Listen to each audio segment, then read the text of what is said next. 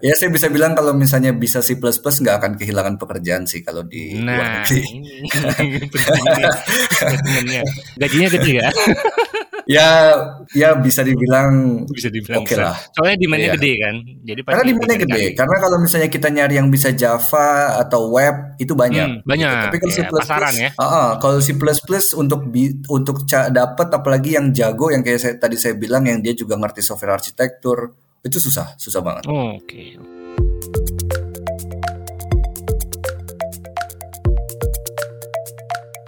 Selamat datang di Ceritanya Developer, podcast yang menampilkan developer, programmer, atau engineer Indonesia inspiratif yang tersebar di seluruh dunia. Bersama saya Riza, kita akan menggali bagaimana mereka berjuang, suka dukanya dalam perjalanan karir, hingga kesalahan konyol saat ngoding. Podcast ini diproduksi oleh Deep Tech Foundation, sebuah startup non-profit yang punya misi menyetarakan talenta digital di Indonesia. Nah, narasumber kita yang satu ini posisinya nih eh, secara lokasi tuh lumayan jauh ya dari Indonesia. Eh, dia ada di Jerman sana, eh, bekerja di sana dan juga kuliah di sana. Jadi buat yang penasaran langsung aja kita sapa narasumber kita kali ini, eh, Mas eh, Derza Arsyad. Halo, Halo, Nah, gimana kabarnya? baik baik baik baik, dingin tapi baik. Oh dingin ya, lagi musim dingin ya di Iya, lagi musim dingin. Saya kemarin sempat baru pulang sih satu minggu dari Indonesia, jadi kayak lumayan kaget juga. Oh oke, Indonesia di mananya? Di Jakarta saya. Oh Jakarta. Oke. Heeh. Eh, kondisi COVID di Jerman gimana ya kalau boleh di-share sedikit cerita-ceritanya? Jadi kalau di Jerman sebenarnya udah lebih fleksibel ya. Apalagi lumayan kemarin abis pulang Indonesia ngelihat di Indonesia gimana, jadi lumayan ada tolak ukur buat ngebandingin. Jadi kalau di Jerman mereka udah bener-bener karena udah lumayan banyak yang divaksinasi ya. Jadi udah ya udah orang udah fleksibel. Dia cuma pakai masker kalau di public transport aja. Sisanya Oh. udah orang nggak takut lagi buat ketemu dan bisa ngumpul-ngumpul juga. Itu yang paling bagus. Oh iya, sudah bebas ya. Dibandingkan Indonesia berarti udah eh, lebih lebih free ya di sana ya. Lebih free gitu. Ha, emang. Oke, Oke. Nah, eh, saya penasaran banget nih sama sama profilnya Mas eh, Derza nih. Tapi sebelum itu kita bicara ke apa tarik ke belakang dulu. Kita ngomongin tentang masa lalu. Dulu Mhm. eh, tertarik eh, programming, belajar ngoding tuh awalnya gimana sih? Sebenarnya pas kan saya dulu kuliahnya mekatronik di Jerman itu.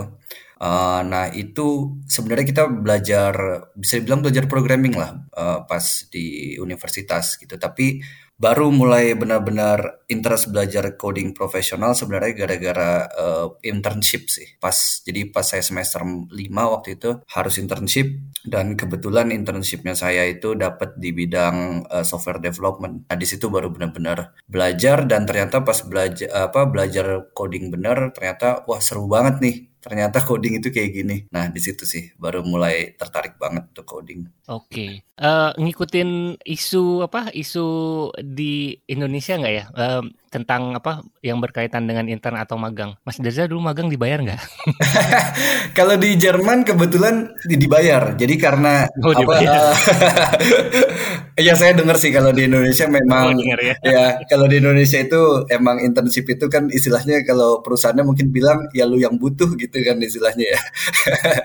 Jadi belum tentu dibayar gitu. Cuman kalau di sini itu kayak ya bagusnya dari Jerman itu emang perusahaan sama universitas integrasinya lumayan bagus. Jadi internship itu pun udah jadi apa ya bagian dari sekolah ya bisa dibilang. Jadi mereka juga udah punya programnya, juga udah punya istilahnya kontraknya beda sendiri kalau internship. Jadi ya mereka juga punya taraf gaji sendiri juga. Jadi udah udah ada standar lah gitu di sini. Oke, Heeh. siap. Berarti belajar codingnya pada saat di kuliah dan kemudian lebih tertarik lagi ketika internship ya? Iya, jadi pas internship. Jadi soalnya karena kan kalau misalnya kita belajar programming kan belajar sintaks-sintaks aja gitu ya. Kalau di sekolah tuh kayak cuman if else gitu-gitu. Nah, Ya, pas ya, ya. baru bener-bener kayak nih loh bikin produk gitu loh. Istilahnya bikin sesuatu yang bisa Hmm. dipakai orang pas internship itu gitu. Hmm, waktu itu masih ingat nggak bikin apa Eh, atau terlibat di project apa? Ingat, ingat. Jadi waktu itu perusahaannya namanya Schaeffler. Dia itu bikin gearbox buat mobil. Gearbox itu yang gigi 1, 2, 3 itu. Eh, dia kan bikin eh, otomatisasi dan salah satu perusahaan besar lah eh, yang bikin itu. Nah, mereka itu kebetulan eh, punya apa ya sistem continuous integration sendiri uh, untuk software um, Gearbox tersebut ya. Dan waktu itu mereka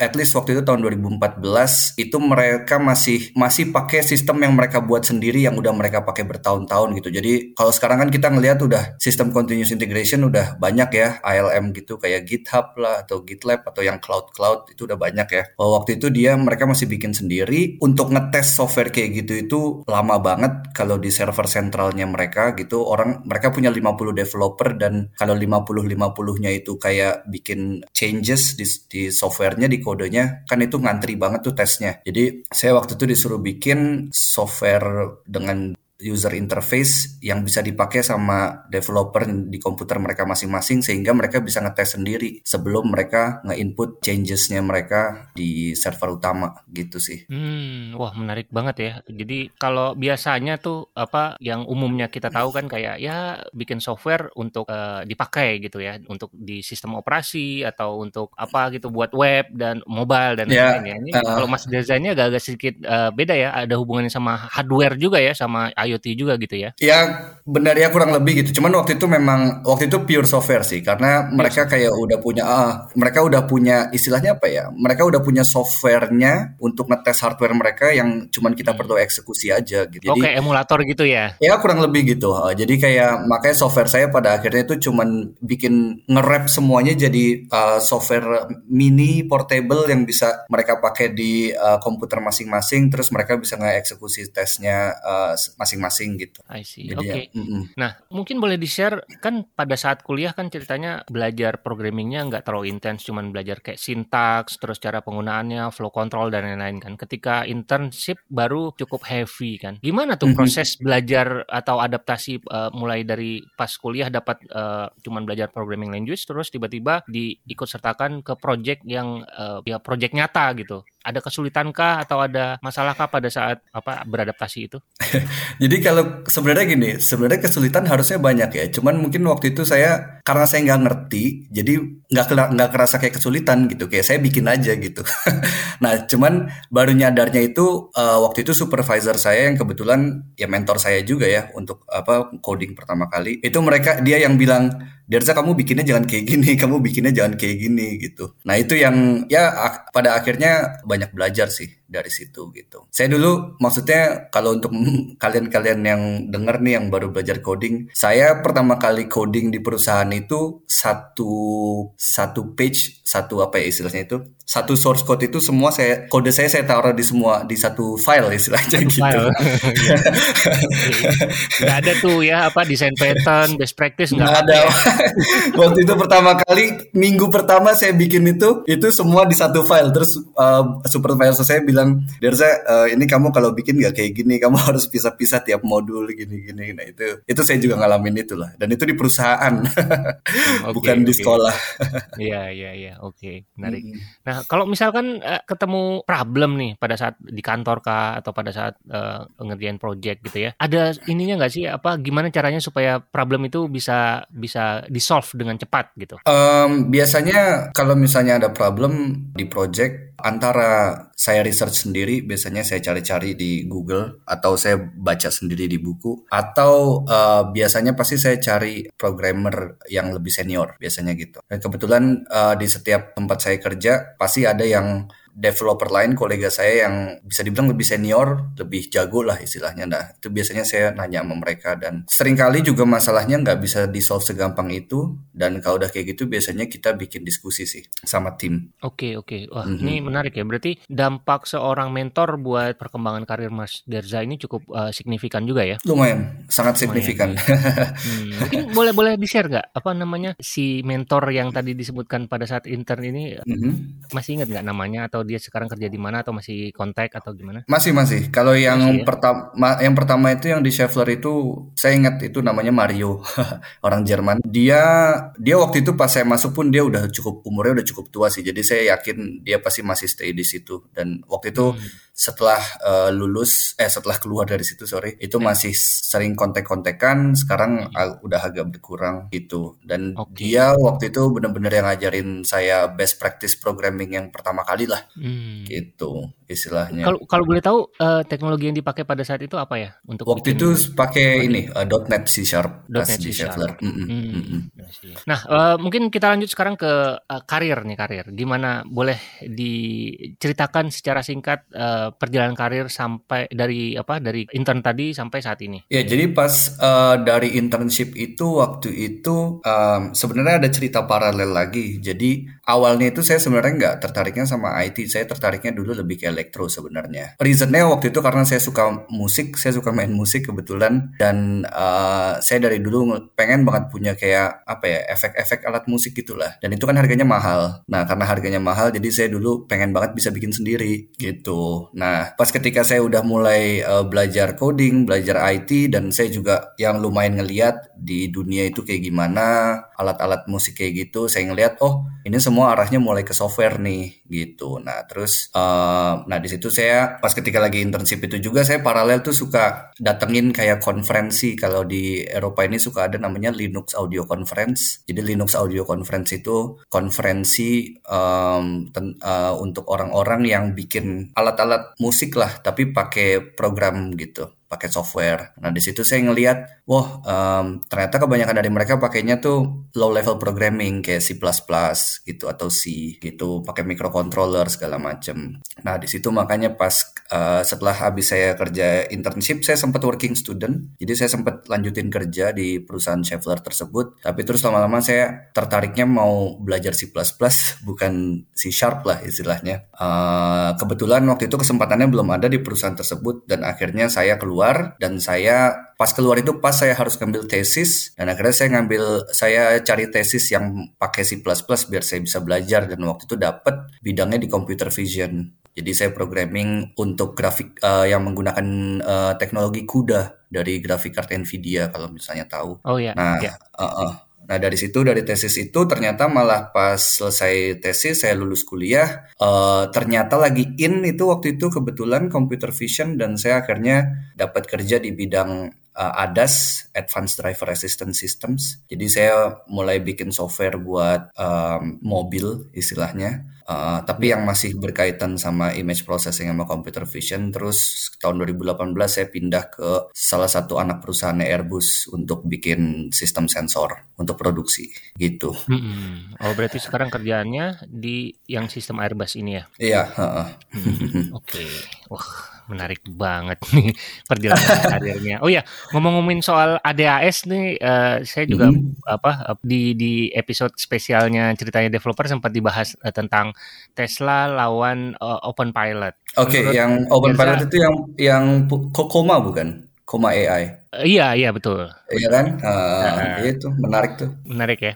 Kalau menurut Deza, uh, Tesla autopilotnya atau yang dia bilang dia sebutnya autopilot kan teknologinya kan? Mm -hmm, ya, yeah. Itu gimana? Uh, ngikutin nggak sih? Saya sebenarnya kalau detail uh, detailnya saya nggak terlalu tahu ya. Saya cuman apa namanya? Um, pokoknya saya cuman taunya itu kalau misalnya koma itu dia di di integrate sama handphone ya kalau nggak salah sama yes. smartphone. Jadi setiap orang bisa make gitu ya. ya Sedangkan dengan uh, jenis tapi mobil tertentu ya. Betul jenis mobil tertentu. Tapi setahu saya dua-duanya pakai grafik juga kan, maksudnya pakai image processing, pakai computer vision. Ya maksudnya oke okay sih dua-duanya gitu. Hmm. Maksudnya menurut saya uh, bahkan bisa lebih konstruktif. Cuman memang bagusnya kalau menurut saya bagusnya dari Tesla Tesla mungkin filosofinya lebih kayak Apple gitu kali ya jadi maksudnya dia bikin itu uh, jadi bisa dipakai orang langsung sehingga orang bisa pakai nyobain hmm. gitu dan ketika orang nyobain orang seneng kan industrinya jadi naik kan Ya. ya kan. Nah, ya. sedangkan kalau misalnya open pilot itu kan ya bisa dibilang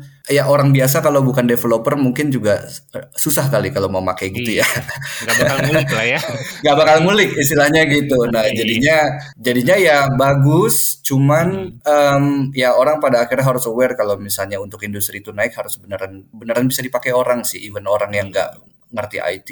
Iya, uh -uh. harus menjadi produk yang uh, orang awam pun bisa pakai dengan mudah tanpa harus ngapa-ngapain gitu ya, tinggal beli, jalan gitu ya. Benar, biar industrinya naik gitu. Okay. Karena kan orang jadi bayar, demandnya jadi hmm. naik gitu. Iya.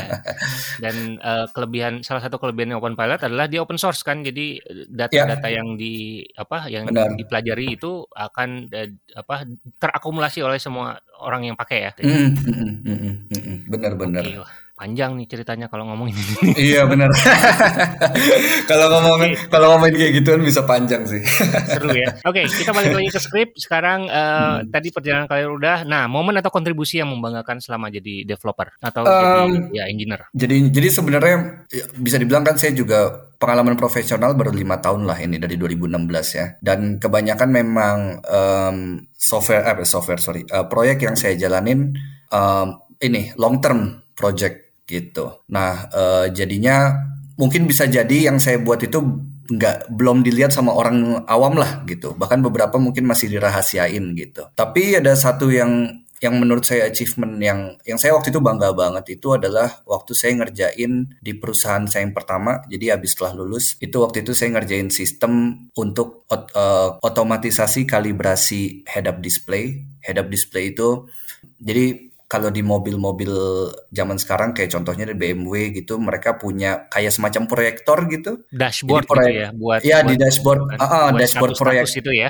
Benar benar benar. Nah itu iya. bisa diproyeksiin ke kacanya. Itu jadi sehingga kalau misalnya idealnya tuh kita bisa apa ya dia bisa ke augment ke ke view dari cockpit tersebut bahkan gitu. Jadi mungkin nanti di jalanan bisa ngelihat ada semacam uh, helping line-nya gitu-gitulah. Nah, oh, wow. itu namanya head, uh, namanya head up display itu. Nah, waktu itu saya bikin sistem untuk otomatisasi kal uh, kalibrasi dari head up display tersebut pakai robot. Waktu itu pas ketika saya masuk ke proyeknya itu bisa dibilang kacau deh gitu. Itu sistem yang nggak berfungsi, terus softwarenya lamban gitu-gitulah. Nah, terus um, uh, waktu itu saya awalnya ya apalagi deadline juga mepet waktu itu apa kan uh, kita dikejar-kejar deadline terus. Awalnya saya kayak coba bikin workaround sana sini sana sini tapi pada akhirnya nyadar bahwa itu terlalu kompleks sistemnya sehingga pada akhirnya ya saya mencoba nganalisis eh, sistemnya dengan lebih terstruktur saya lihat dari input datanya terus saya cek setiap modul apa yang rusak segala macam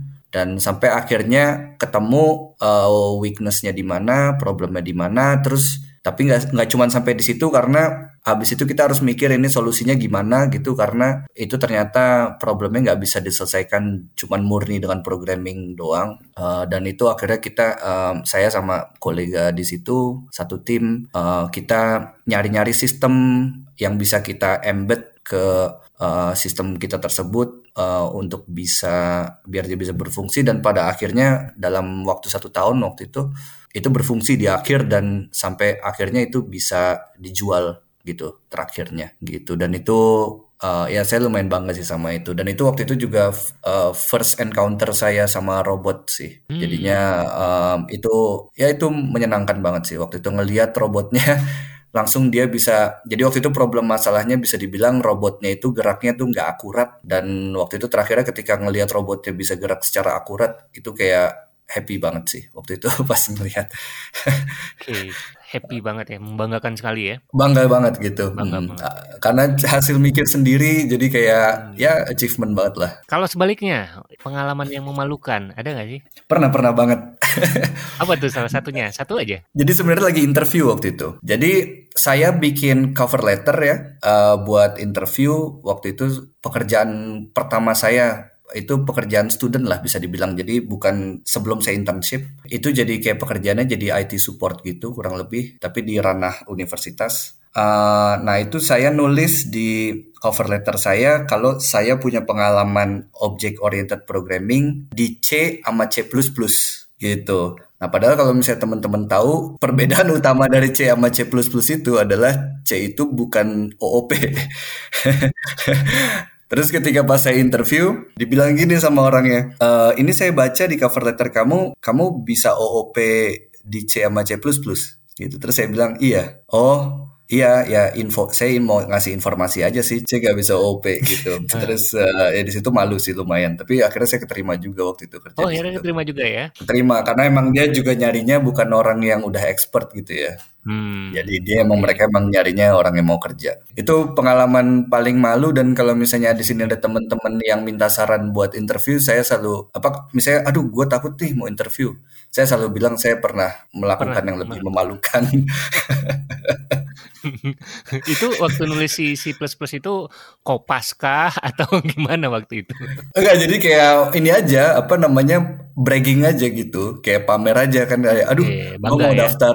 Uh -uh, aduh, gue mau daftar kerja tapi kayak pengalamannya baru tiga semester doang gitu, nulis apa ya gitu. Udah tulis aja bisa OOP pakai C sama C++, padahal C nggak bisa OOP.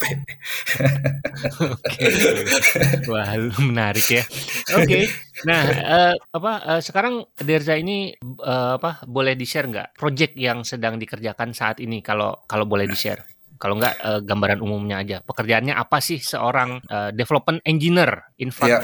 solution ya? Iya. Yeah, uh, uh. Nah, development engineer itu apa dan kerjanya ngapain dan sekarang lagi ngerjain apa? Jadi kalau development engineer sendiri sih uh, tugasnya implementasi produk uh, dari awal dari konsep sampai dengan akhir which is a deployment ya. Nah, kebetulan kalau saya titik beratnya di software development ya. Infactory sendiri salah satu anak perusahaan Airbus. Uh, kita kecil perusahaannya cuma 12 orang gitu. Jadi emang kita konsentrasi di satu plus beberapa produk lain gitu tapi konsentrasi utama kita ada di satu produk yang kita sebut namanya automated um, monitoring system for automated fiber placement. Jadi automated fiber placement sendiri itu adalah suatu proses untuk ngebuat part pesawat yang menggunakan material karbon komposit. Jadi uh, pesawat zaman sekarang itu kebanyakan uh, udah dibuat dengan karbon material namanya karbon komposit dan itu uh, sistem produksinya lumayan kompleks ya uh, dan kita bikin monitoring sistem buat itu jadi gimana kita bisa di dalam proses produksi tersebut kita ngedeteksi ada defek atau enggak gitu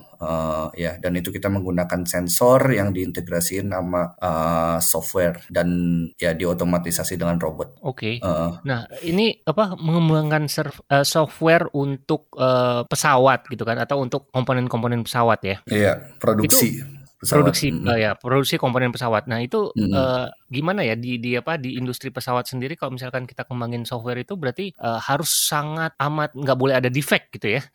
jadi ya jadi apa namanya uh, ya sebenarnya kan ada defect atau enggaknya kan uh, itu bukan tugasnya kita ya, itu tugasnya yeah. orang yang bikin proses produksinya gitu. Yes, yes. Tapi memang um, kita jadinya itu sebenarnya yang unik dari industri pesawat atau industri industri lain yang lumayan safety critical ya, itu kita harus bisa ngedefinisikan seberapa besar influence sistem kita terhadap sistem yang mereka udah punya gitu. Jadi kan sistem mereka udah punya sistem produksinya dan sistem monitoring kita itu kan diintegrasikan kepada sistem mereka kan. Dan itu kita benar-benar harus bisa ngedefine kayak istilahnya kalau software kita jalan, kira-kira ada part dari modul mereka yang terpengaruh apa enggak sama sama software kita misalnya. Atau misalnya kalau mereka tiba-tiba mesinnya mati, software kita juga ikutan mati apa enggak atau sebaliknya kalau software kita mati, ntar sistem produksi mereka jadi mati juga apa enggak gitu. Jadi itunya banyak gitu. Iya dan itu bahkan istilahnya sampai sesuatu yang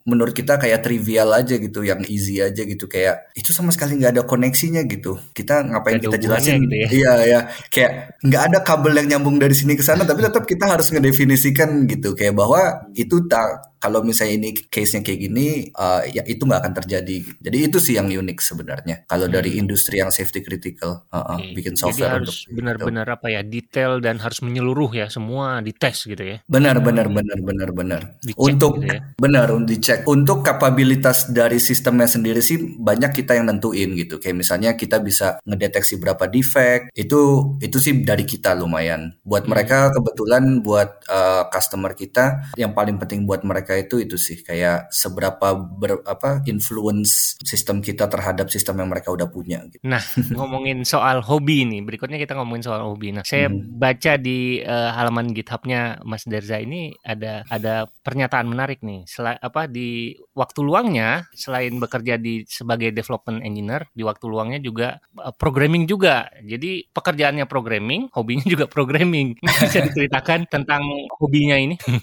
jadi kalau di waktu luang, jadi saya kebetulan tuh orangnya suka punya ide aja gitu. Nah, uh, ya ketika kalau misalnya udah punya ide, biasanya langsung saya implementasiin kayak gitu sih, gitu. Uh, jadinya ya di waktu luang emang kadang-kadang saya emang programming gitu, tapi kebanyakan emang untuk ide saya sendiri gitu. Jadi saya kurang bisa dibilang saya kurang terlibat kalau sama proyek open source gitu-gitu saya kurang. Oh, uh, jadi dari ide sendiri ya? Hmm. Dari ide Bikin sendiri gitu. kebanyakan. Gitu. Ya kurang lebih gitu sih. Hmm. Maksudnya kayak gitu. Jadi emang nah kalau misalnya waktu luang jadi malah saya sedikit sama C++ saya biasanya malah JavaScript kebanyakan. Terakhir uh, terakhir bikin-bikin apa? Terakhir itu terakhir itu saya bikin kayak semacam uh, apps buat budgeting gitu pokoknya untuk finance gitu. Hmm. Um, waktu itu bikin sampai saya saya waktu itu juga saya mau eksperimen pakai cloud. Jadi karena waktu itu saya lihat kan orang-orang kebanyakan tuh masih even di Jerman sendiri kayak belum sebenarnya penggunaan cloud itu juga belum banyak di di company-company gitu. Mereka masih sering pengennya bikin software dan mereka taruh di server mereka sendiri kayak gitu. Nah, waktu itu saya ngelihat cloud padahal udah udah canggih banget apalagi kayak misalnya AWS gitu mereka hmm. punya Lambda gitu kan yeah. kayak istilahnya apa itu function, function as, a, as a service. Iya, function as a service kan. Yeah. Nah, terus waktu itu saya kebetulan punya ide itu uh, app budgeting, saya pikir oh sekalian juga nih eksperimen uh, pakai cloud gitu. Dan abis itu juga saya waktu itu eksperimen juga mau coba pakai ini apa cross platform programming waktu itu. Jadi saya mau bikin saya cuma pakai JavaScript aja tapi saya uh, softwarenya bisa running di um, iOS sama di Android. Jadi waktu itu saya coba pakai native script namanya gitu jadi waktu itu ya lumayan lumayan eksperimen banyak hal sih. Jadi pakai AWS sama pakai native script juga gitu. Dan ya hasilnya waktu itu lumayan dia uh, bisa jalan di Android waktu itu. Waktu itu saya belum punya iPhone jadinya belum dites di iPhone. Okay, okay. menarik yeah. ya. Jadi hmm. sehari-hari pegangnya C++ begitu uh, di apa waktu luangnya JavaScript, native script gitu ya, bikin aplikasi yeah. mobile, cloud gitu ya. Uh, uh, uh, uh, uh, benar. Itu soalnya nggak bisa kalau kalau di kantor. Nggak bisa ya di kantor. Okay. Nah, jadi harus ngulik-ngulik sendiri ya. Iya benar. Uh -uh. Uh, Mas Derza ini ikutan komunitas teknologi di Jerman nggak sih? Oh, iya waktu itu saya maksudnya kalau komunitas enggak sih, tapi saya di sini lumayan sering ada seminar gitu dari meetup.com, nggak tahu apa ya, di Indonesia. Ya, ya. Ada ya meetup juga ya. Ada ada. Nah jadi uh, lumayan karena saya tinggal di kota besar kan di München uh, dan di sini banyak banget kantor istilahnya kantor perusahaan perusahaan IT yang terkenal gitu kayak Google, Apple, hmm. itu yeah. dia ada juga di sini. BMW sendiri juga sekarang jadi perusahaan IT. Nah, jadinya mereka banyak suka ada seminar-seminar IT lah di München ini gitu. Dan saya waktu itu lumayan uh, sering pas sebelum corona sih hmm. waktu itu sebelum lumayan sering datengin gitu. Terutama yang C++ uh, kon, apa yang temanya C++ uh, ya untuk biar tahu aja sekarang lagi apa gitu yang lagi berkembang. Okay. update aja update ilmu. Update ya. hmm, sekali uh, networking ya. Networking iya bener-bener iya sih paling gitu. Paling kita komunitasnya situ kayak gini sih. Apa hmm. datang-datang ke seminar ketemu ketemu orang. Rame gitu. tapi. Rame rame banget. Rame, rame ya, banget. Rame banget ya. Hmm. Iya ya. Ya di situ kalau misalnya yang gede-gede ya biasanya yang ada ini. Ya jadi biasanya um, kantor-kantor yang gede-gede atau misalnya ada event organizer sendiri dan dia pinjem apa pinjem ruangannya pinjem BMW misalnya kayak gitu. Okay, okay. Iya dan ya sih seru kalau ikut-ikut ya? kayak gitu. Iya, kalau ikut kayak gitu kayak gitu kita jadi beneran nyadar bahwa di atas langit masih ada langit ya. Itu itu isinya bener-bener kayak orang-orang jago-jago banget sih hmm. yang datengin itu. Oke, oke. Okay, Nah, uh, kalau ini ada pertanyaan dari dari penonton ya, pertanyaan dari penonton. Saya nggak hmm. tahu Mas Derza uh, ngikutin atau enggak atau bisa jawab atau enggak. Bedanya engineer hmm. di Jerman sama di Indonesia, apa sih perbedaan signifikan? Tahu nggak sih? Kalau di Indonesia kebetulan nggak terlalu tahu ya. nggak aku nggak pernah nggak pernah um, belum pernah berkarir di Indonesia ya berarti ber, ya? belum pernah berkarir di Indonesia hmm, gitu okay. tapi kalau misalnya di Jerman apa ya di Jerman itu orang-orangnya bisa dibilang mereka itu kebanyakan juga udah punya pengalaman programming dari umur 13 tahun atau 14 tahun mungkin gitu ya. Hmm. Dan itu itu yang waktu itu saya lumayan uh, kaget. kaget bisa dibilang pas saya itu salah satu culture shock saya lah pas ketika saya masuk ke dunia IT di Jerman itu kayak kolega-koleganya kalau yang beneran IT yang udah seumur saya itu pada udah jago-jago banget gitu. Dan itu karena mereka emang udah terekspos sama dunia programming itu dari kecil bisa dibilang dari umur 13 tahun, 14 tahun gitu. Dan sedangkan kalau di Indonesia kan waktu itu ya kurang lah kurang terekspos sama IT. At least pas saya dulu sekolah ya. Kalau sekarang nggak tahu. Saya dulu lulus SMA kan tahun 2010 dan itu sampai dengan 2010 saya nggak pernah tahu itu kayak coding itu apa gitu kayak gimana gitu dan itu sih bedanya sih jadi uh, makanya di sini lumayan yang seumur umur saya kalau dia emang coder itu itu itu beneran lah jago-jago banget. Mm-hmm. Udah diekspos dari paling. kecil gitu ya. Dan dari itu kecil, uh, semua sekolahan dapat gitu ya. Kayak udah menjadi kurikulum resminya gitu ya atau gimana? Itu kurang tahu sih. Hmm. Tapi mungkin juga karena kalau di sistem pendidikan Jerman kan lumayan banyak kerja prakteknya gitu di perusahaan. Even mereka nggak ada kurikulum resminya, tapi mereka udah lumayan uh, dini terekspos sama uh, bidang tersebut gitu dari pekerjaan, okay. dari kerja praktek tersebut gitu. Mungkin karena banyak kerja prakteknya. Mm -mm. Oke, okay. nah Uh, pertanyaan berikutnya, ada tips nggak buat teman-teman yang pengen jadi engineer atau developer keren? Mungkin bisa bagi juga tips tentang gimana supaya bisa berkarir di luar negeri.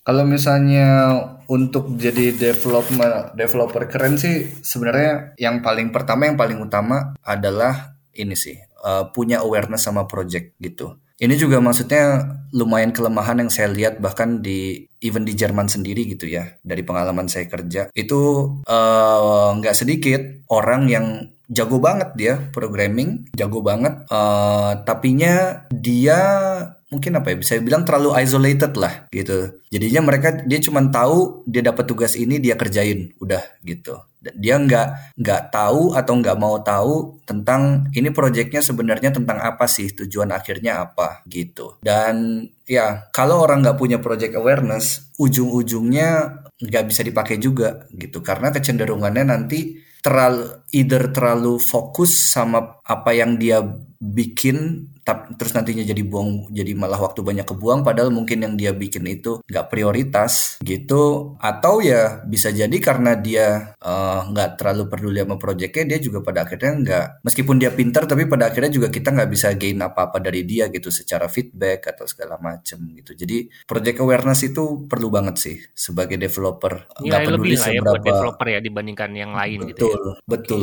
nggak peduli seberapa jagonya coding itu kayak tetap harus bisa aware proyeknya tentang apa gitu harus bisa teamwork dan itu itu penting banget sih kalau mau hmm. jadi developer keren ya. Jadi terus kalau harus tahu big picture-nya gitu ya benar benar okay. harus tahu big picture-nya sehingga bisa ya bisa kolaborasi sama orang hmm, lain kolaborasi gitu okay. uh, kalau dari segi skill ada sih kalau dari segi skill coba konsentrasi di pertama konsentrasi di apa yang disukain gitu. Karena di sini banyak juga saya ngelihat orang-orang yang karena deep learning machine learning jadi lagi hype terus semuanya pada mau machine learning gitu. Itu di sini juga banyak orang yang kayak gitu. Dan biasanya kalau kayak gitu juga ujung-ujungnya nggak terlalu bagus. Jadi coba kerjain apa yang disukain entah itu infrastructure kayak atau uh, murni C++ pokoknya yang di, cari apa yang disukain terus apa coba fokus di situ. Abis itu juga ini apa namanya uh, coba belajar tentang software arsitektur lah gitu.